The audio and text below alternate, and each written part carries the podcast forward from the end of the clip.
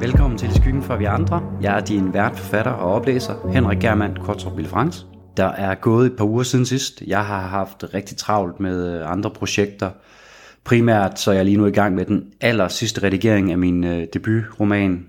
Og så øh, derudover er jeg blevet inviteret med til en novellesamling, jeg skal bidrage til, der skal udkomme næste år. Og øh, sidst men ikke mindst, så har jeg har øh, ikke kæmpet med, men øh, prøvet på at få skrevet det sidste færdigt på øh, sæsonfinalen, som kommer næste gang, hvor de øh, endelig får afslutningen på historien om Thomsen. Men i dag, der skal vi faktisk introducere en meget vigtig figur i mit øh, lille univers her. Og øh, går alt som jeg håber på, så vil hun blive en af de faste hovedpersoner øh, i den krimiserie, jeg er ved at, at skrive på øh, nu. Altså ikke mit debutroman, men den næste bog efter den den historie er. Historien er 80% færdig, har været ude til beta-læsning hos øh, en, en 3-4 stykker, som alle sammen har været meget, meget begejstrede for den. Så nu skal den sådan ligesom rundes af, inden jeg går i gang med første gennemskrivning af den, men nu skal min øh, debutroman lige være helt færdig, før jeg får, får mere tid til det. Historien her, den er også en... Øh, sådan en bro imellem øh, to af gæsteforfatterne på podcasten, nemlig Michael Korsgaard med hans øh, novelle Lukkede Døre, og øh, Katja Ranvits novelle Bag Væggen. Men, men den kan sagtens stå alene. Jeg håber også, at du i dag og fremover kan høre i hvert fald en lille forbedring i forhold til lydkvaliteten. Jeg har været ude og investere i en, en ny mikrofon, som forhåbentlig gerne skulle, skulle løfte den lidt. Så det håber jeg, at du kan, du kan mærke og føle. God fornøjelse med afsnittet.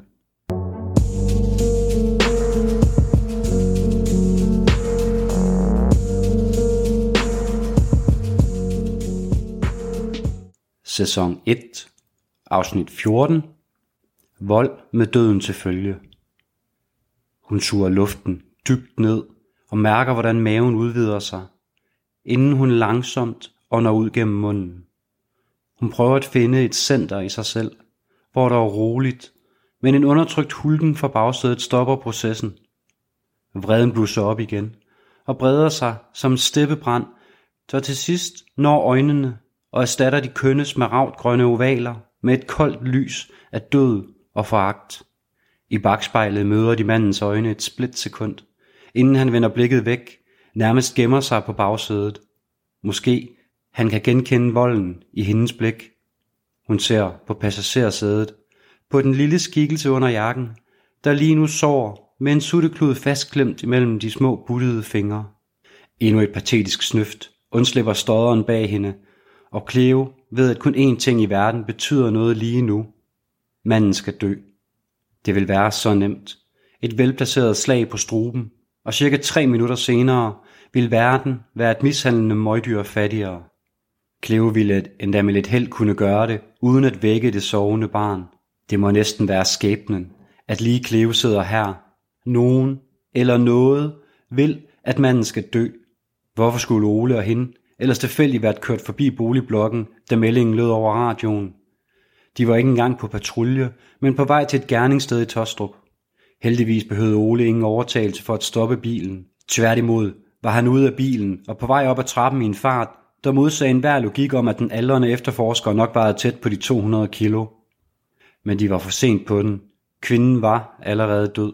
Mængden af blod på gulvet under hendes hoved krævede hverken læge eller retsmediciner at aflæse. Hvad indsvinet havde gjort ved hende, havde det været voldsomt. Men der havde støderen stået, med et lille barn i favnen, og kigget på døren, der blev sparket ind, og Oles kæmpe korpus, der fulgte efter, som var en ufo, der havde landet midt i hans stue. Som om, at idioten ikke forstod, hvad der skete. Heller ikke da barnet blev flået fra hans greb, og han blev lagt i håndjern, var der nogen respons. Først, da Cleo lukkede døren til bilen, kom der en reaktion, og idioten begyndte at vræle som et lille barn. Græd han over den kvinde, han selv havde dræbt, eller det faktum, at han var blevet fanget, eller måske over, at han ikke fik udslettet hele familien i den tåge af alkohol og vrede, der havde drevet ham. Cleos gæt var på nummer to. Idioten var ked af at blive taget. Men stod det til hende, ville han snart blive befriet fra den følelse. Ole går op i lejligheden lige nu, mens de venter på ressourcer inden for gården. Og der er alle muligheder for at fjerne den menneskelige kraftsult fra verden, inden et blodsødent restsystem overtager ham. 10 år. Det er den maksimale straf, han vil få. I bedste fald. Efter straffelovens paragraf 246. Ole og Cleo vil endda begge blive nødt til at underbygge forsvarens argumenter. Manden er tydeligt beruset, og intet på gerningsstedet vidnede om, at drabet var planlagt. Altså vold med døden til følge og en maksimal strafferamme på 10 år i fængsel. Manden kunne være ude igen, inden at barnet var gammel nok til overhovedet at forstå de traumer, han havde påført det. 10 år. Det maksimale straf for at tage et liv, bare så længe at drabet ikke er planlagt. Havde han anvendt en bil som morvåben, ville straffen være endnu mindre. 10 år. For at myrde en kvinde og gøre et barn forældreløst. Cleo kan mærke det spænde i kæben, hvordan tænderne begynder at skære mod hinanden. Verden begynder at forsvinde omkring hende. En stemme knitrer i politiradioen, men hun hører ikke ordene. Vil det være konsekvensen værd? Hun kan jo lyve og sige, at han har gjort modstand, eller forsøgt på at flygte. Eller at det havde været et uheld, at manden døde. Ole ville nok bakke hende op og tage hende i forsvar. Hun ville se sin karriere styrte i grus, inden at den var begyndt. Med en støvle i røven ud af politiskolen, og derfra sikkert inde som sikkerhedsvagt eller legesoldat. Med mindre hun kunne finde en anden og ny vej her i livet. Men hun ville måske undgå fængsel, og verden ville stadig være et bedre sted. Men hun ved også, at det ikke vil ske. Hun vil ikke lyve. Cleo har som femårig taget en beslutning, helt enkelt, om aldrig at lyve, og den har hun stået ved, uanset de konsekvenser, det har medført gennem årene. Hun ved godt, at nogen tror, hun burde have en diagnose, især blandt de mandlige kolleger på politiskolen, og at mange har svært ved at håndtere hendes direkte og ærlige façon. Og her vil ærligheden betyde, at hun ikke vil blive dømt efter paragraf 246. Hun bliver dømt efter paragraf 237, manddrab med en strafferamme på op til livstid. Og det er jo også fair. Retfærdig som loven altid burde være det, for det ville være det, hun havde gjort. Knæder I snart? Jeg, jeg vil gerne snove. Hvor, hvor ryge herom? Det forpulede, ynkelige, slappikkede møgsvin kan selv nu ikke tænke på andet end sine egne behov. Hænderne knuger om rettet, så knorene bliver hvide, og hun bider et lille hul i læben. En bloddråbe glider ned ad hagen, inden hun fanger den. Alt i Cleo ryster. Hun vil råbe og skrige af idioten. Slå ham. Kvæle ham. Se, hvordan livet forlader de ynkelige øjne og bliver stattet af den mælkehvide hende, der markerer overgangen til det uundgåelige. Hun kigger igen på det sovende barn. Selv i søvne kører sutten rytmisk og leverer en konstant kinestetisk stimulans. Macho taber typerne i politiet. Vil sikkert tro, at det her handler om moderfølelse. Et kvindeligt vagt urinstinkt. Men de vil tage fejl. Det her er for Cleo hele essensen af at være politibetjent. At passe på dem, der ikke kan forsvare sig selv. Det gælder både det sovende barn og den døde kvinde oppe i lejligheden. I det fjerne kan hun ane genskæret fra blå blink. Det er nu eller aldrig. Hun vender sig om og fanger mandens blik. Hvorfor? Mandens blanke øjne viger fra side til side, og han snøvler igen, da han svarer. Hvorfor hvad? Mere svar behøver hun ikke. Som en klapperslange hugger knytnæven mod mandens strube. En kvalmende, knasende lyd afslører, hvordan strubehovedet bliver knust.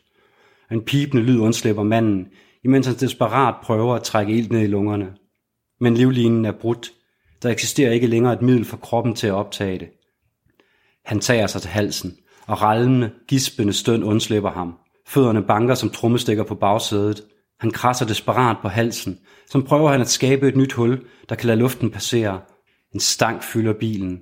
Først en sure stank af pis, og så en overvældende, kvalm stank af afføring. Et par sidste, raspede udårlinger følger kramper i hele hans krop, inden han stopper med at bevæge sig. Et par bank på ruden hiver Cleo ud af dagdrømmen. En ung uniformeret betjent står og kigger på hende uden for bilen. Cleo blinker et par gange, inden hun ruller vinduet ned. Betjenten kigger med et bekymret blik på passagersædet og skynder sig at pege på bagsædet. Skal vi ikke tage ham der med ned på stationen? Gør I det. Så venter jeg her. Cleo kigger over på passagersædet, hvor et par store uskyldige øjne kigger op mod hende, mens sutten bliver ivrigt bearbejdet. Jeg lover dig, at når han en dag kommer ud, så venter jeg på ham.